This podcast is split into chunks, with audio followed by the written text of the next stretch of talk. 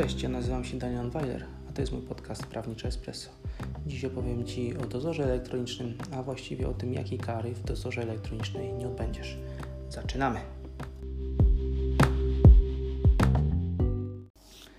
Kara pozbawienia wolności odbywana w dozorze elektronicznym charakteryzuje się tym, że odbywasz tę karę w warunkach domowych. E, jednakże nie każdą karę pozbawienia wolności, czy też zastępczą karę pozbawienia wolności możesz e, odbyć w dozorze elektronicznym.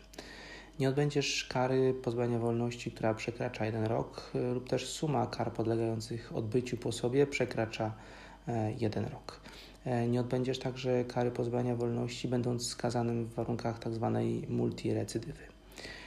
Są też jeszcze kary, które których też nie odbędziesz w drodze dozoru e, elektronicznego, mimo że nie przekraczają one jednego roku. E, nie odbędziesz w dozorze na przykład aresztu za wykroczenie, czy też za wykroczenie skarbowe, kary porządkowej, e, środków przymusu podlegających na pozbawieniu wolności, czy też aresztu wojskowego. Co zatem w takiej sytuacji zrobić? Możesz skorzystać w tym momencie z innego e, uprawnienia, które Ci przysługuje jako osobie skazanej, czyli złożyć wniosek o odroczenie takiej kary, e, której w dozorze elektronicznym nie odbędziesz.